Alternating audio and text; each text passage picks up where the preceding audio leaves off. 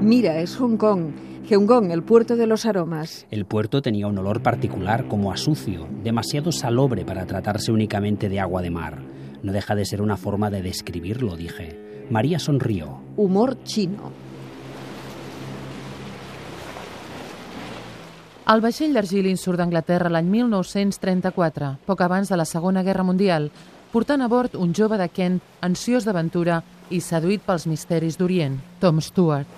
L'espera un viatge de més i mig a través del canal de Suez fins a arribar a la seva terra promesa particular, la colònia britànica de Hong Kong. Durant el trajecte aprèn un cantoner rudimentari i coneix la germana Maria, una monja xinesa determinant a la seva vida. Me cogió por sorpresa la manera en que me sorprendió Hong Kong. Yo contaba con los elementos exóticos, mujeres jaca con sus sombreros de paja, tiradores de rickshaws, limpiabotas, fumadores de opio a la luz de las ventanas de calles laterales, furiosos dioses chinos con la cara verde y los ojos rojos, varitas de incienso feng shui. Tom, treballador d'un hotel de luxe, es veu immers de cop en un món rígid d'etiquetes i convencions reservat als expatriats, festes amb vaixells, yacht club, country club, club de golf... Los chinos no eran del todo invisibles, pero no eran más que comparsas, figurantes, criados, un exótico pero ignorado telón de fondo del escenario realmente importante. Nada que tuviera relación con los chinos pasaba de verdad. A poc a poc es desprèn de les convencions per construir-se una vida que evolucionarà paral·lela als grans esdeveniments del segle XX.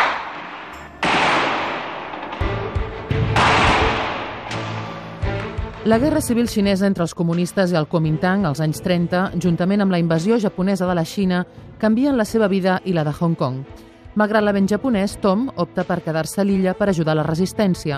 La germana Maria fuig a la Xina i ella acaba un camp de concentració amb vistes al mar, Stanley. Todo el día giraba en torno a la comida. En chino, la palabra para comida es la misma que para arroz, y así sucedía en el campo. Sopa de arroz, congí de desayuno, congí de comida, a veces con algunos trozos de verdura. La cena era el gran acontecimiento culinario del día. Consistía en arroz con cualquier otra cosa que los cocineros consiguieran agenciarse, una diminuta pieza de pescado o incluso un viejo búfalo hecho polvo de los nuevos territorios. I amb la fi de la Segona Guerra Mundial, Hong Kong es converteix en un micromón en ebullició. Les peripècies de Tom, de fet, són el tronc central d'una novel·la per on es creuen dues vides satèl·lit, la de la periodista britànica, cínica i ambiciosa Dawn Stone i la Matthew Ho, el net de Tom, jove empresari del segle XXI. Tots serveixen per anar dibuixant el mosaic, molts cops tèrbol, de la història de Hong Kong.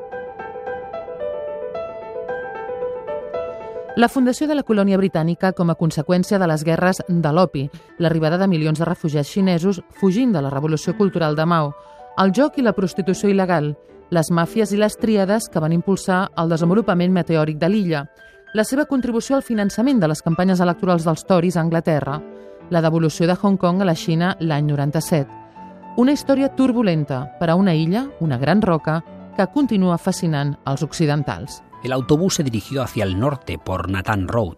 Cada vez que pasabas por allí había nuevos negocios. Taibú, el emporio de las máquinas de coser con un gran letrero de neón rosa de la Singer. Restaurante El Jardín de Loto. Tetería La Casita de los Deseos. Electrodomésticos Chen Ki.